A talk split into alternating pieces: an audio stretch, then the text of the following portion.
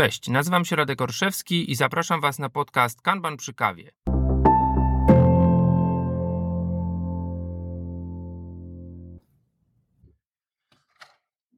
Cześć, z tej strony Radek Orszewski. Witam serdecznie w czwartym odcinku podcastu Kanban przy kawie. Dziś opowiemy sobie o czymś, co pozostaje cały czas, powiedziałbym, w cieniu, może w fazie niezrozumienia, niewiedzy, e, jeżeli chodzi o pojęcia ze świata e, kanbanu, a przy okazji wydaje się, że zadamy kłam co najmniej dwóm mitom, e, które, które krążą wokół tego, do czego służy, a raczej do czego służyć nie może sprawnie skonstruowany system Kanban czy zastosowanie metody Kanban. Zacznijmy od tego. Jeśli powiem Wam tablica Kanban, to jest pewne duże, niezaniedbywalne prawdopodobieństwo, że wiele z Was, wielu z Was, drodzy słuchacze, e, wyobrazi sobie tablicę, pewnie prostą, to do, in progress, done, trzy kolumny. O, no właśnie, to do. Co wyobrażacie sobie po lewej stronie tej tablicy? Co wyobrażacie sobie, kiedy przychodzi Wam na myśl e, wyobrażenie sobie, można powiedzieć, tablicy Kanban i patrzylibyśmy na taką, na lewą stronę takiej tablicy? To do. Next. Do zrobienia. No właśnie. E, nie ma w tym nic złego. Powiedziałbym, rzeczywiście na tablicach Kanban widzimy przepływ pracy od lewej do prawej. E, pewnie więc po lewej będziemy mieli kolumny, które raczej znaczą coś, co wiąże się z tym, jakie elementy pracy, jakie jednostki wartości chcielibyśmy dopiero dostarczyć. Ale powinniśmy sobie zadać pytanie, skąd te elementy pracy się biorą. Z backlogu, oczywiście. Ok. Jeśli pracujecie ze Scrumem, to najpewniej posiadacie również backlog. Ja bym powiedział, że backlog jest pojęciem, które w ogóle występuje w tej chwili w biznesie, niezależnie od tego, czy mamy Scrum, czy nie, czy mamy w ogóle podejścia zwinne, czy też nie. Ten termin bardzo dobrze się przyjął i, e, i rzeczywiście e, całkiem sprawnie funkcjonuje. No dobrze, czyli najpierw zastanowiliśmy się, co jest po lewej stronie tablicy, powiedzieliśmy sobie, że pewnie jakieś to do, a więc listę rzeczy do zrobienia. E, zapytaliśmy się, skąd te zadania się biorą w to do i powiedzieliśmy, że pewnie z jakiegoś backlogu. Ok. Czym jest ten backlog? Gdybyśmy mieli odwołać się do takiej klasycznej definicji, powiedzielibyśmy, że jest to lista potencjalnych e, funkcjonalności, jednostek, e, jednostek wartości dla klienta, które, które prawdopodobnie będziemy chcieli zbudować, e, które będziemy chcieli wdrożyć. Być może będziemy chcieli podjąć pewien eksperyment z ich wdrożeniem. One są, a właściwie powinny być posegregowane upriorytetyzowane, no właśnie, posegregowane pewne po, po jakimś priorytecie, em, popriorytetyzowane po wartości, różnych, różnych pojęć, różnych definicji tutaj się e, używa. Niemniej wydaje się, że środowiska są zgodne co do tego, że powinien być jakiś parametr, który, e, według którego te elementy powinny być e, ułożone.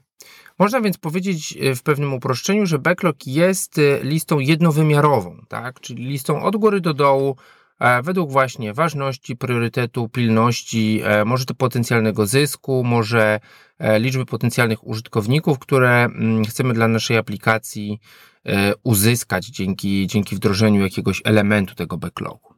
Ok, jak na razie wszystko, wszystko się zgadza. No właśnie, ale Kanban ma tutaj coś do powiedzenia. Kanban mówi, że to, jak elementy, nawet w tym nazwijmy to, backlogu funkcjonują, zwykle ma trochę więcej wymiarów niż tylko jeden, e, czyli jasno określoną wartość. Mm, przede wszystkim e, elementy, które wchodzą do backlogu, to nie są elementy, które koniecznie muszą zostać zrealizowane. I tutaj mała pierwsza dygresja, zanim dojdziemy do definicji upstream Kanbanu, a więc dzisiejszego tematu podcastu. E, ze swojej praktyki, zarówno konsultingowej, coachingowej, trenerskiej, kiedy rozmawiam z ludźmi o, o, o ich backlogach, to jest to uproszczenie, być może dla kogoś krzywdzące, niedoceniające, jak powiedziałbym, świadomości, dojrzałości części z Was, słuchacze, ale w dużej części słyszę o tym backlog, czyli wszystko, co musimy zrobić. Być może jest to skrót myślowy, ale ja bym powiedział, że bardzo niebezpieczny. To znaczy, no, backlog potrafi być przytłaczający swoją listą. E, nie dalej jak kilka tygodni temu e, na, na jednym z moich szkoleń powiedziała mi kursantka, że ona objęła projekt, w który ma w Jirze no, kilkaset elementów w backlogu i ona naprawdę nie ma pojęcia, co tam jest i ona nie wie, co, co ma z tym zrobić. Z jednej strony chciałaby się tego pozbyć, z drugiej strony czuje pewnego rodzaju e, lęk, obawę przed tym, że no, może nie powinna usuwać wszystkich tych elementów. Z drugiej strony, jak zaczęliśmy o tym rozmawiać, co z tym zrobić, no to po pierwsze powiedzieliśmy sobie, że gdyby nawet poświęciła razem ze swoim product ownerem po kilka minut dosłownie na przejrzenie wszystkich tych elementów pracy, to jest to olbrzymi wysiłek. E, po drugie, no pewnie nie byłoby tak proste, bo trzeba byłoby dociekać, kto jest autorem, czy autor jest jeszcze w organizacji e, i tak dalej, i tak dalej. E, trzeba by się, można powiedzieć, tak kolokwialnie wgryźć w te elementy pracy i zastanowić, no dobra, to, to, to czy właściwie jest tam jeszcze wartość, czy nie, czy jesteśmy w stanie jakoś, jakąś powiedzieć. A teraz co istotne, czy te elementy są naprawdę w jakikolwiek sposób gotowe do pracy. Dlaczego o tym opowiadam? Dwie rzeczy. Po pierwsze, nie, nie, nie uznajmy, nie uznawajmy backlogów jako, jako list określonego, zamkniętego zakresu, który musimy zrealizować. Tak nie powinno być. Po drugie, funkcjonowanie z jednowymiarowym, zwłaszcza długim backlogiem, jest po prostu bardzo trudne, dlatego że nawet gdybyśmy potrafili i mieli czas, żeby je uszeregować według wartości, to jest jeszcze drugi element, który mówi jeden z wielu elementów, ale ja bym powiedział drugi istotny element, na jakim, na jakim etapie, w jakiej fazie odkrywania i budowania, kształtowania danego elementu e, te, ten element się znajduje, tak? Czy czy ok, on jest wartościowy, ale czy jest gotowy do podjęcia do pracy, czy on jest może na poziomie jakiegoś, e, jakiejś analizy, mm, y, stopy zwrotu, czegokolwiek, co oceniacie. No właśnie. Dlaczego o tym mówimy? Mówimy o tym, bo Kanban przychodzi tu z pomocą. Kanban mówi, że ta tablica, o której najczęściej myślimy, a więc ta tablica od to do do done, to w rzeczywistości jest system pull, system Kanban, skonstruowany do dostarczania wartości. Nazywamy go więc downstream kanbanem lub delivery kanbanem, a więc kanbanem dostarczającym. Jeśli ten kanban nazywamy systemem downstream i, i systemem discovery, to stawiamy tutaj taką tezę, a właściwie proponujemy pewną praktykę, że po jego lewej stronie, a więc y, zanim zadania znajdą się w to do, czy next, czy do zrobienia, istnieje zwykle pewien strumień pracy, pewien, pewien przepływ, workflow można by powiedzieć po angielsku, pewne stany, przez które te elementy pracy przechodzą, zanim znajdą się na downstream kanbanie, na delivery kanbanie. I e, zgodnie z koncepcją zaproponowaną przez Patryka Stejarta kilka lat e, temu, e, tą część systemu Kanban, często niewidzianą, często, często niewidoczną, nieuświadomioną, powiedziałbym nawet w organizacji i też z tego powodu rzadziej budowaną, rzadziej używaną, nazywamy upstream Kanbanem, nazywamy discovery Kanbanem, a więc Kanbanem skupionym na odkrywaniu. Odkrywaniu zarówno elementów pracy, ich wartości, e, na wizualizacji tego, e, w jakim stanie przygotowania dany element się znajduje. Może dla części z Was to, to jest nic nowego, dla bardzo wielu ludzi, z którymi pracuję, to jest taki moment, aha, zaczynamy zdawać sobie sprawę z tego, że zadania, które znajdują się w to-do, nie znajdują się wskutek tego, że nie wiem, ktoś w nocy złośliwie generuje te etykiety w Jirze albo, albo przykleja po prostu nowe karteczki, tak? I, I one są już gotowe. Wiemy z praktyki, że bardzo często znajdujemy w to-do e, takie zadania, które właśnie nie są gotowe do pracy, co niestety odkrywamy bardzo późno i ma szkodliwe szkodliwe skutki dla czasu realizacji, dla frustracji zespołu, dla, dla też jakby niezdrowego roz, rozczarowania i, i dialogu pomiędzy ludźmi, którzy to zlecają i dostarczają, czyli bardzo często no, tych tak popularnie, chociaż trochę, trochę niefajnie nazywanych e, dwoma działami, tak, biznesu i IT.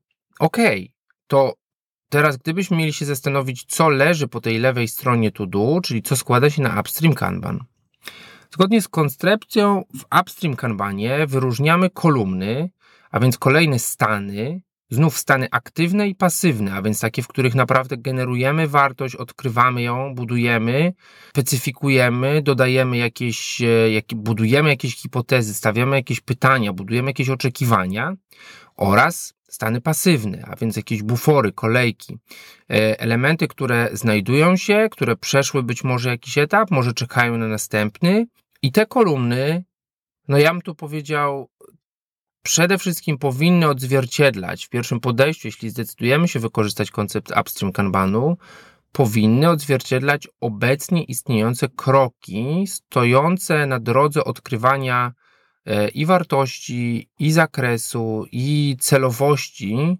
różnych elementów e, naszych backlogów. Ale co by to mogło być?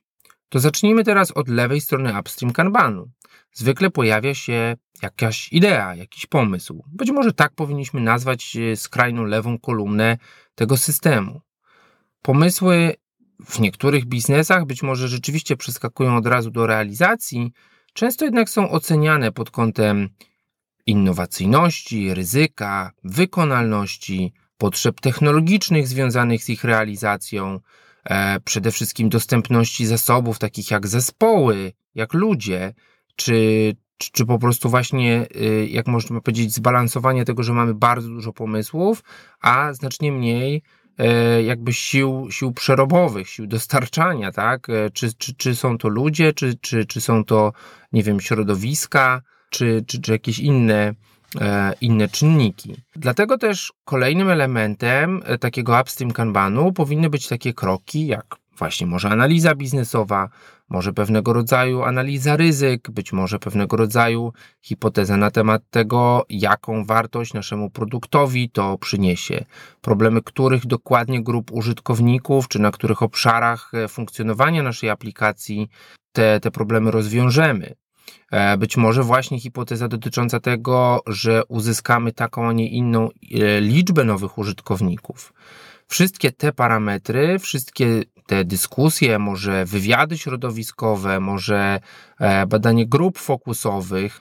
Ostatnio ktoś mnie zapytał, czy tam moglibyśmy umieścić jakieś A-B testy. Oczywiście, jeżeli, jeżeli tak szybko jesteśmy w stanie w strumieniu um, zweryfikować na przykład zainteresowanie chociażby daną funkcją, użytkowników, obecnych użytkowników aplikacji, to pewnie mogłoby tak być, tak? E, wszyscy, którzy czytali książkę Lean Startup, wiedzą, że e, no w bardzo wielu przypadkach e, próbujemy zainteresować użytkownika czymś, co jeszcze nie istnieje. Być może chcemy umieścić w naszej aplikacji czy na naszej stronie po prostu banner, w który ludzie będą klikać i na tej podstawie, jeśli przy metodzie A-B testów umieścimy dwa różne banery z dwoma różnymi przekazami, to będziemy w stanie powiedzieć OK, na to ludzie klikają, tym są zainteresowani. Być może powinniśmy poświęcić energię, czas i spróbować dostarczyć coś, co stoi właśnie za opcją A, a nie za opcją B. No, to jest tylko jeden przykład przed kilkoma tygodniami, będąc e, na, na szkoleniu w, w Londynie, jeden z kursantów zapytał mnie, a czy moglibyśmy tam y, umieścić pętlę linii UX i czy, czy moglibyśmy tam testować jakieś prototypy, prototypy interfejsu użytkownika, interakcji użytkownika z, z, z danym produktem? Naturalnie. ja powiedział, im wcześniej jesteśmy w stanie uzyskać, przepraszam kolokwialnie, więcej mięsa, więcej prawdziwej treści i zainteresowania od użytkownika, tym lepiej. Z takich rzeczy trywialnych, które możemy umieścić po lewej stronie, a więc w tym upstream kanbanie, jest naturalnie to wszystko, co nazywamy refinementem, a więc wszelkie aktywności, czy są to rozmowy, czy są to prezentacje, czy są to e, właśnie studia wykonalności technicznej, które odbywają się w ramach doskonalenia takich tradycyjnych jednowymiarowych backlogów. Jeśli, jeśli jesteście w stanie sobie to już wyobrazić, to wiemy, że ten sam jednowymiarowy backlog w tym momencie ulega jakby rozproszeniu, rozciągnięciu na kilka, kilkanaście kolumn. W tych kolumnach te zadania również nie powinny być ułożone losowo, tylko według pewnej określonej priorytetyzacji, skutkiem czego mamy, można powiedzieć, pewną roadmapę, można powiedzieć pewnego rodzaju plan, pewną właśnie mapę tego, w jakim stadium gotowości, na jakich etapach znajdują się poszczególne elementy, eksperymenty, funkcjonalności, o których myślimy, że warto je na którymś etapie być może wdrożyć. Ok, mamy układ kolumn, mamy kolumny aktywne, mamy kolumny pasywne, e, mamy te kroki stojące na drodze mm, odkrywania informacji i budowania informacji o naszym produkcie. Dobra, co, co, jeszcze, e, co jeszcze powoduje, że jest to Kanban? No, przede wszystkim interesuje nas również przepływ tych rzeczy z lewej do prawej i powiedziałbym na pytanie, czy, czy upstream Kanban obowiązują te same zasady i te same, czy odnoszą się do niego te same praktyki, które odnoszą się do downstream, do delivery kanbanu, odpowiedź jest i tak, i nie. Po pierwsze, z czego mam wrażenie, czego mam nadzieję już sobie zdajecie sprawę, e, no to upstream Kanban również jest pewną formą wizualizacji, tak? Albo jest bardzo wiele elementów wizualizacji, które do upstream Kanbanu możemy odnieść, które do upstream Kanbanu możemy zastosować i będą to te same elementy, które, te same praktyki, e, które stosujemy do tego tradycyjnego downstream Kanbanu. Chcemy więc widzieć różnego rodzaju i statusy, czyli kolumny, ale być może też jakieś, e, jakieś, jakieś wiersze, a więc swimlane'y pokazujące przepływ jednostek należących do różnych projektów, do różnych produktów, do, do różnych grup rynkowych.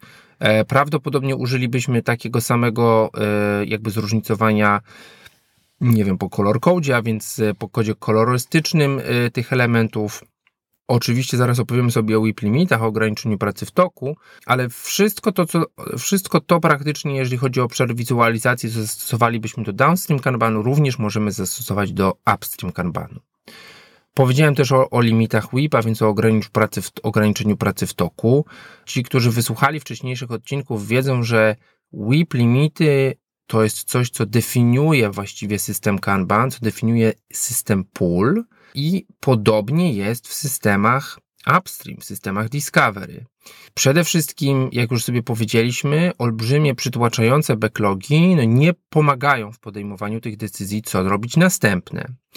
Ale jest też tak, może rzadziej, ale jeśli tak się dzieje, to powiedziałbym, że z bardzo dużą e, szkodą. Okazuje się, że organizacja zamawiająca usługi, organizacja e, pracująca nad tym, co chcemy dostarczyć, czasami, no, nazwijmy to, nie domaga. Nie domaga, jeżeli chodzi o właśnie skupienie i przepływ tych wartości, co powoduje, że zespoły odpowiedzialne za dostarczanie, zespoły będące właścicielami downstream kanbanów, realizują byle co, a czasami nawet nie mają czego zrealizować i same sobie szukają pracy. To jest sytuacja bardzo, bardzo szkodliwa.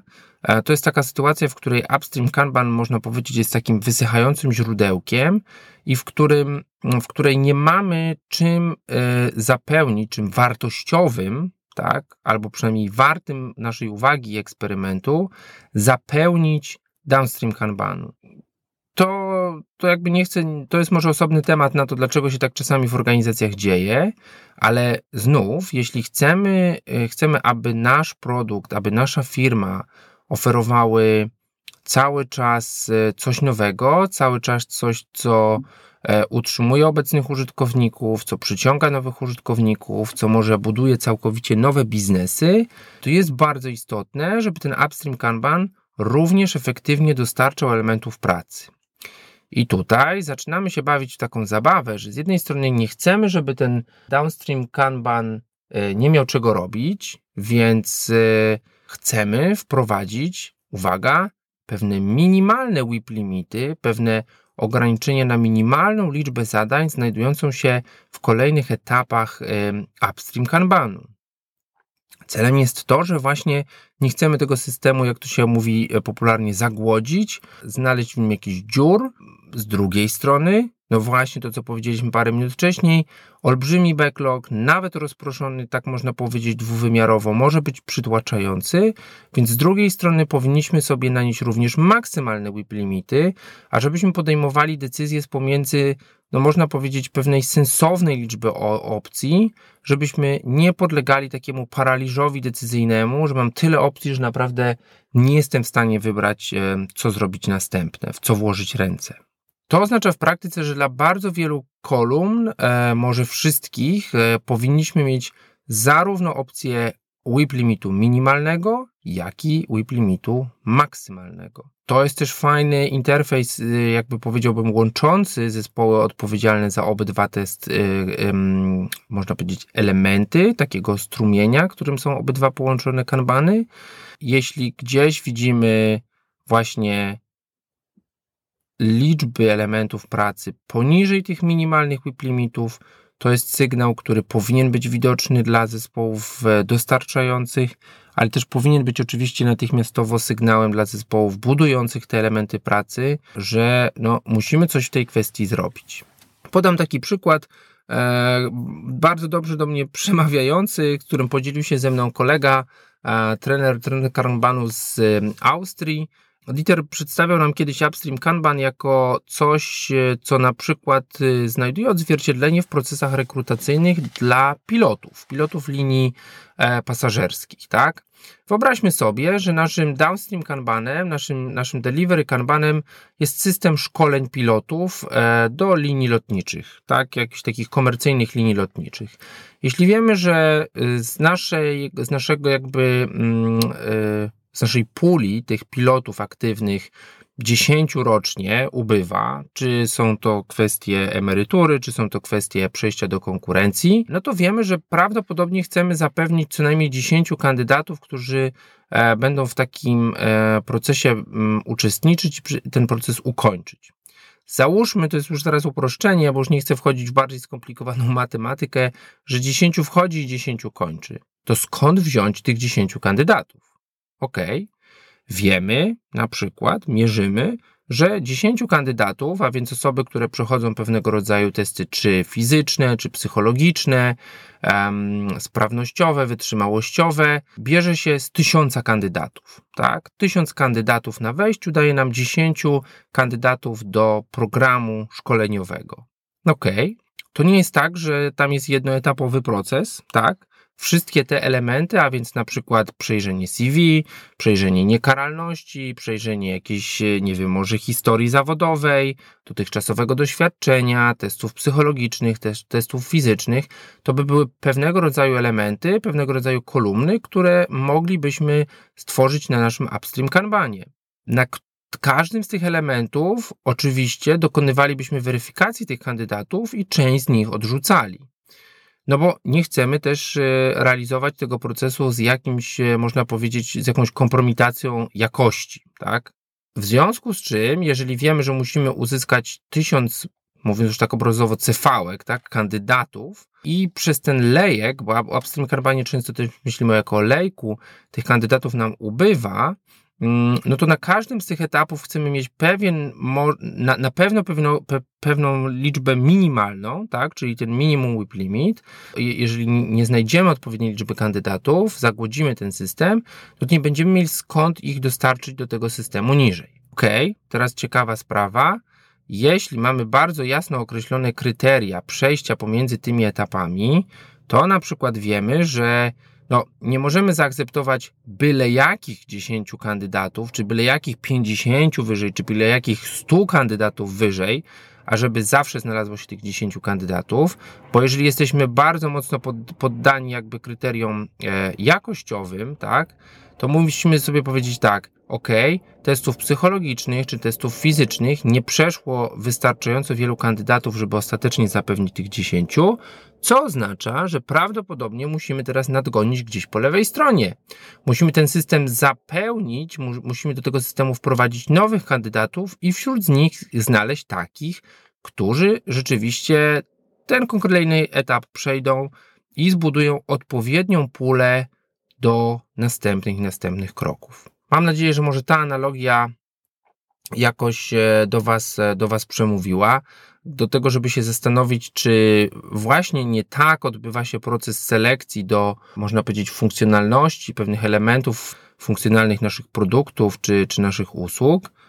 Ja bym powiedział, że jeżeli nie, to z dużym prawdopodobieństwem byłoby pewnie zdrowo, gdyby, gdyby to tak wyglądało. Opowiedzieliśmy sobie więc, że Upstream Kanban często jest czymś, co powinno być przyklejone do lewej strony tablicy, co powinno rozciągać nam ten system, e, ten system delivery właśnie o ten system discovery. E, powiedzieliśmy sobie, że te same praktyki się odnoszą do, do obydwu tych systemów, a więc duży nacisk na wizualizację, duży nacisk na WIP limity. Po stronie upstream Kanbanu bardzo często te, te minimalne WIP limity, naturalnie dalsze praktyki metody Kanban, a więc pętle zwrotne, a więc jasne polityki, a więc e, właśnie jakby pewnego rodzaju określone kryteria przejścia pomiędzy tymi etapami, e, czy formy reagowania na to, że jeśli ten przepływ jest w jakiś sposób zaburzony, to, to powinniśmy podejmować pewne inicjatywy.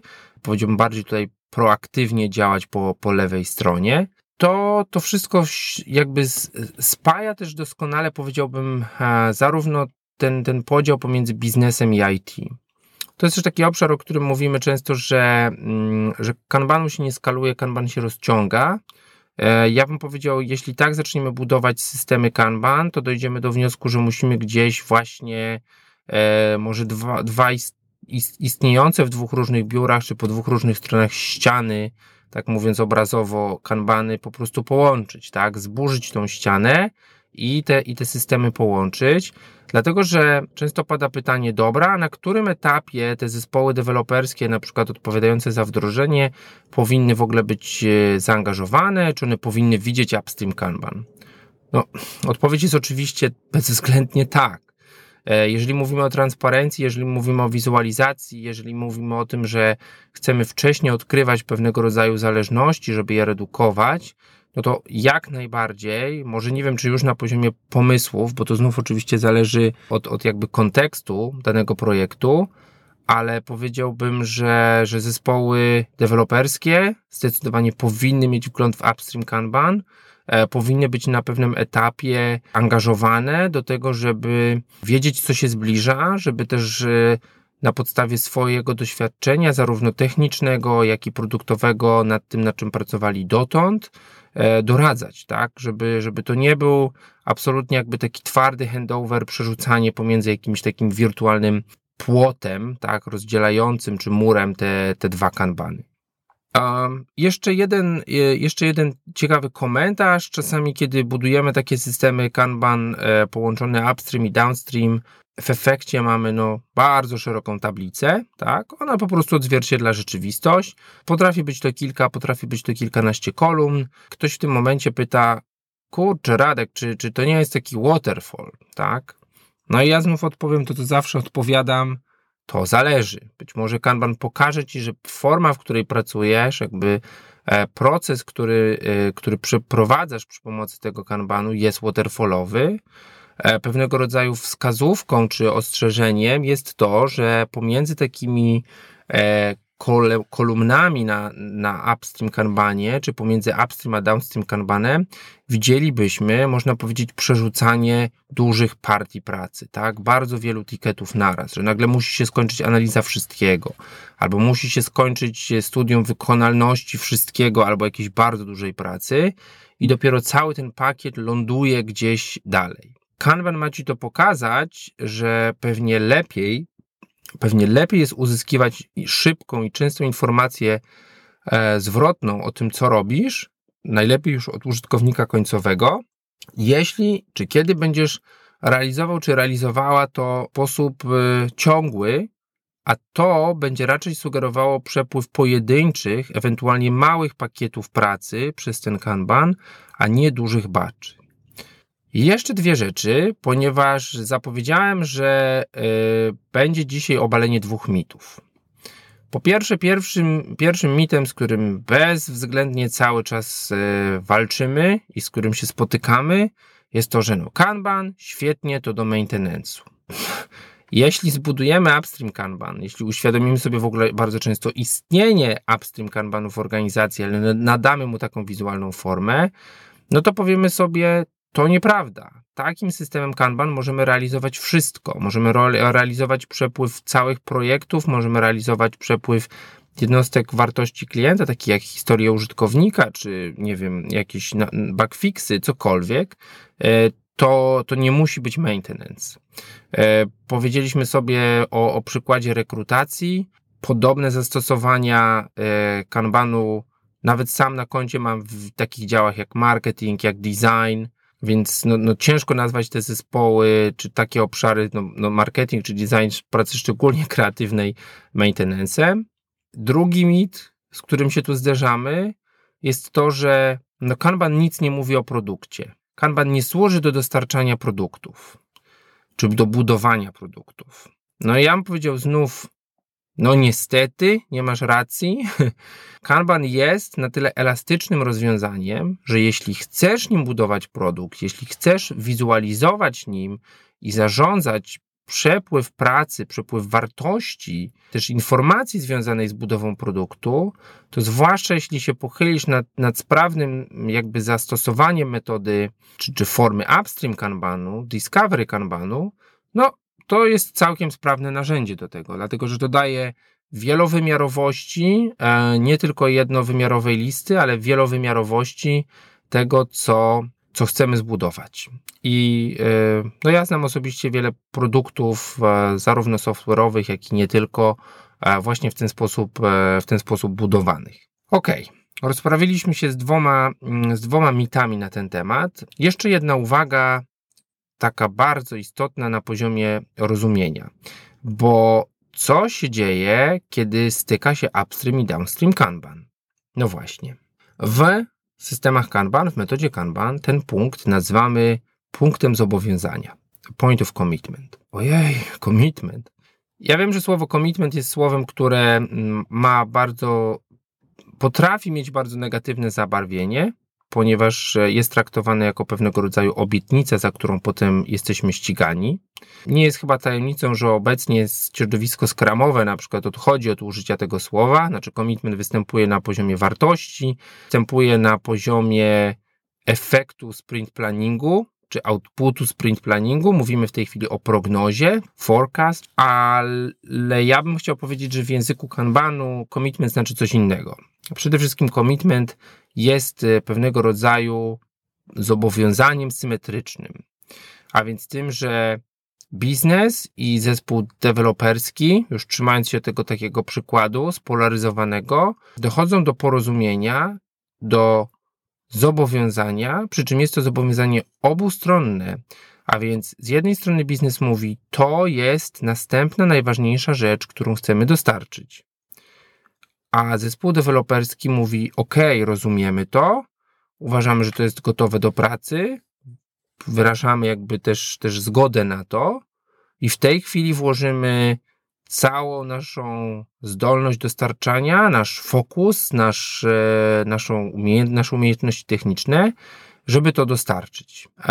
Jest tutaj taki żart, E, może już teraz trochę taki no, śmieszny, no śmieszny, dobra, śmieszny żart, żart. Powinien być śmieszny, ten już jest taki trochę czasami żenujący.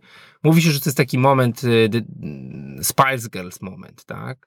Czyli zespół deweloperski, zespół dostarczający pyta zespołu biznesowego tell me what you want. I biznes przychodzi z czymś, najlepiej, najczęściej z więcej niż jedną rzeczą i wtedy jest tell me what you really, really want, tak?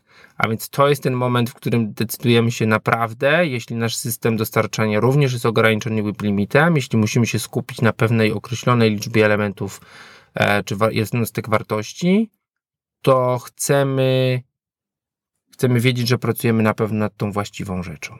I o tym punkcie zobowiązania pewnie będzie jeszcze w innym odcinku.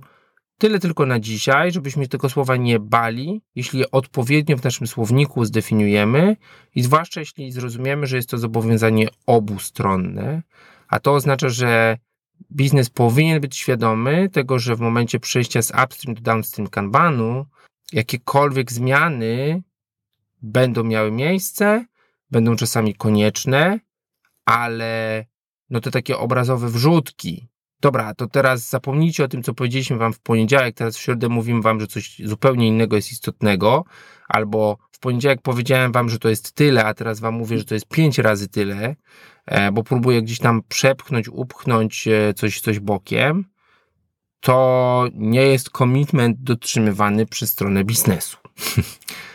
Ale to jest inna, inna historia. Jeszcze jedna rzecz. Zgodnie z zapowiedzią przedstawiam Wam wywiad, wywiad, który przed kilkoma tygodniami miałem przyjemność nagrać z Patrykiem Styjartem, a więc twórcą konceptu Upstream Kanbanu. E, Patryk zgodził się poświęcić kilkanaście minut na rozmowę ze mną. Najciekawsze rzeczy już w tej chwili w rozmowie z nim. Zapraszam. Okay, good morning, Patrick. Good morning, Radek. I'm super happy to have Patrick Steart here with me. Patrick, maybe you want to introduce yourself? So I'm uh, Patrick Steart, and, and uh, I've been in the Kanban community for quite a while. Um, so together with my uh, my spouse, my partner, uh, we run a little company. It's called Okaloa, uh, and we mainly focus on helping organizations to um, uh, become knowledge more knowledgeable about uh, about agile and Kanban in particular. Mm-hmm. Anyone who steps into Kanban world, I believe sooner or later will find your name connected to the term of upstream Kanban or discovery uh-huh. Kanban, if you like. Yeah. Uh, maybe you could tell a story of like you know um, how this idea has formed, or maybe even a short definition for those who never heard about it. Okay. So I'll, I'll start with the story, yes. and through that the definition will come. Okay.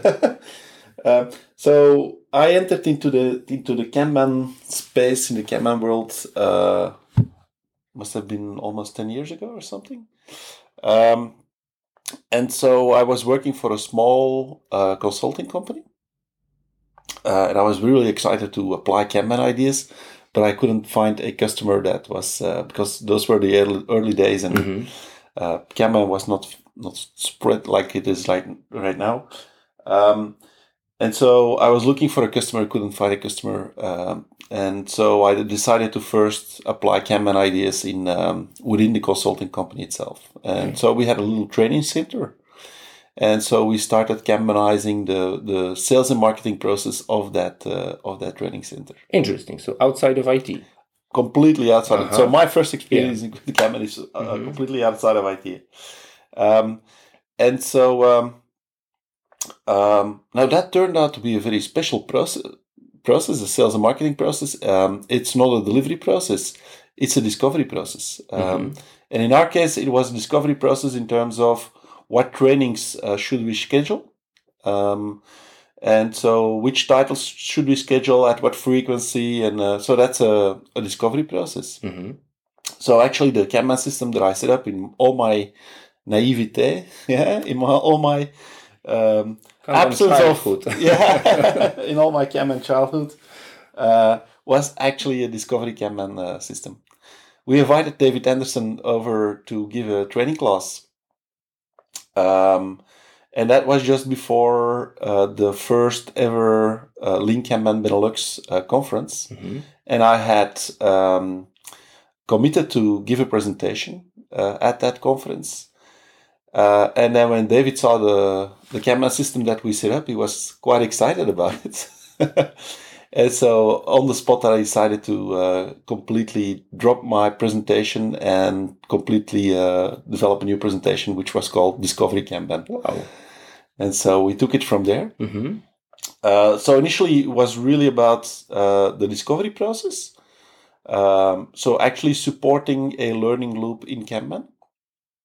Uh, but then uh, gradually, um, people started showing an interest in uh, not just the full learning loop, but the part in front of the the delivery, the typical yeah. deliverable. Uh, mm-hmm. So that turned into uh, into upstream Kanban. Mm-hmm.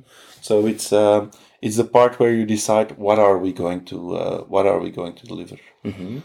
Um, and so gradually over the years, um, uh, it started evolving much more towards the the problem of how do you uh, manage the uh, the upstream, and less so in the whole discovery process, mm-hmm. Uh, less so in the in the the full learning cycle. Uh, now, over the years, I also discovered that uh, upstream Kanban is is way more complex than than you might uh, uh, might imagine. Uh, there's way more interesting stuff to uh, to find out, um, and it's it's um, it it's it's actually a, almost a a uh, uh, a Kanban domain on itself. Mm-hmm. a Kanban domain on itself. Yeah, because I believe like um, very very simplistic view is like it's just like you know a visualization of a funnel of ideas. So like most up, upstream Kanbans I have seen have just a very few columns, like you know, vaguely described. Yes, yeah, indeed. And so um, I would call that proto upstream Kanban. Okay. uh, so uh, if if uh, you look at uh, the supply side, uh, at the delivery side, um, then a good starting point obviously is visualization. Right. Uh, but that doesn't turn it into a true Kanban system. so in order to, to turn turn it into a true Kanban system, you need to do a little bit more than visualization. Um, and so a core uh, uh, a core element of that is uh, uh constraining the whip. Uh, so putting a constraint in there, limiting the whip, uh, because most of the time downstream, our main concern is overburdening people taking on too much work. Um, now that's one side of the coin. Mm-hmm. That's one side of the coin. Uh, in many cases, um, there's also a uh, problem of not having enough work. Right. Yeah, so, so so the delivery Kanban is hunger of, of for work, right? Yeah. So upstream Kanban is is uh, making sure that uh, work is always prepared, mm-hmm. just in time. Uh, that we have work items ready for the downstream team to work on. Um, if you consider the downstream team as your your bottleneck, uh, the supply side uh, is your bottleneck, uh, then we need to make sure that our bottleneck is always uh, fed with the right work items mm-hmm. at the at the right time. So I guess that's a reference to theory of constraints, right? Yes, that's a reference to theory of constraints.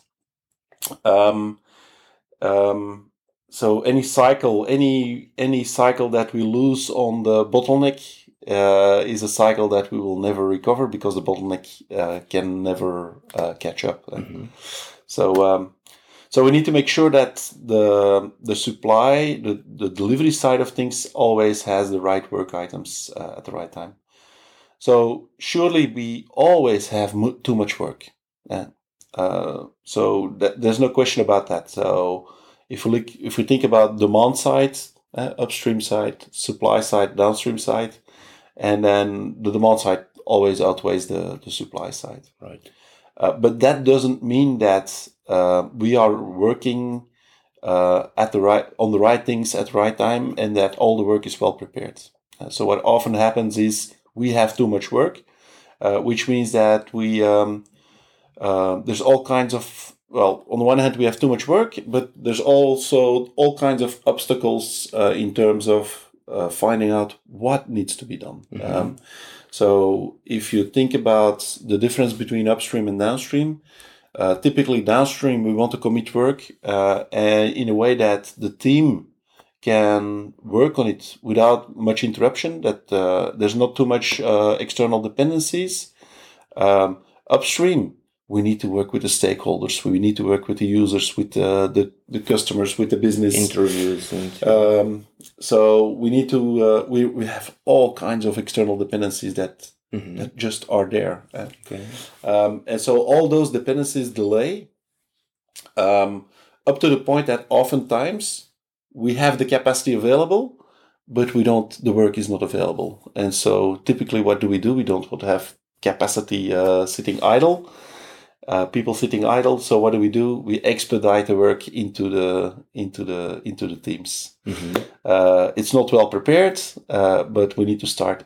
Uh, we need to start anyhow. Uh, yes, leading to all kinds of quality problems and uh, doing stuff that is maybe not the most important stuff, but it's okay. the stuff that is available. So a culture of being busy, which we try to prevent from yes. happening, right? Yeah. Okay. Yeah. Okay, Patrick. Thank you very much cool. for your time, for the stories and explanation.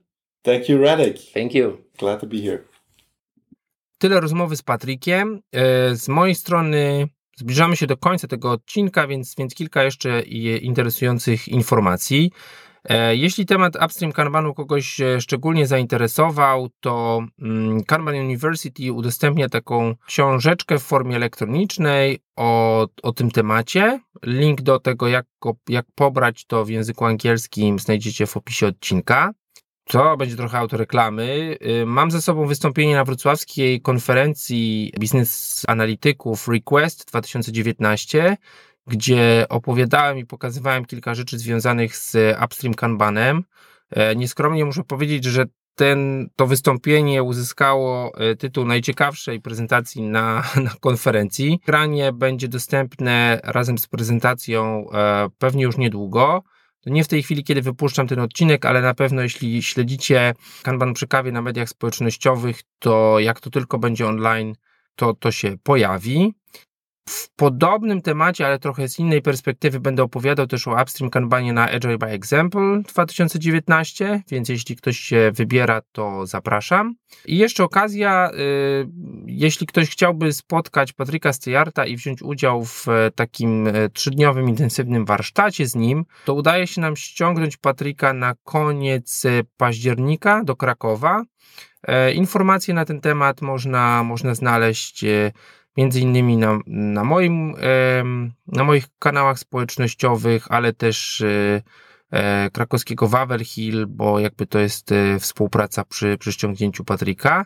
E, więc też, e, też gorąco zapraszam. No i na koniec, jak zwykle, podziękowanie. Dziękuję, że zdecydowaliście się poświęcić e, ten czas swojego dnia, życia na wysłuchanie tego, a nie zrobienie czegoś innego. Dziś nie miejcie się tutaj, że powinniśmy zrobić odcinek o Opportunity Cost. Pewnie kiedyś zrobimy. Jak zwykle, bardzo serdecznie dziękuję za, za wysłuchanie bardzo serdecznie dziękuję za podzielenie się feedbackiem.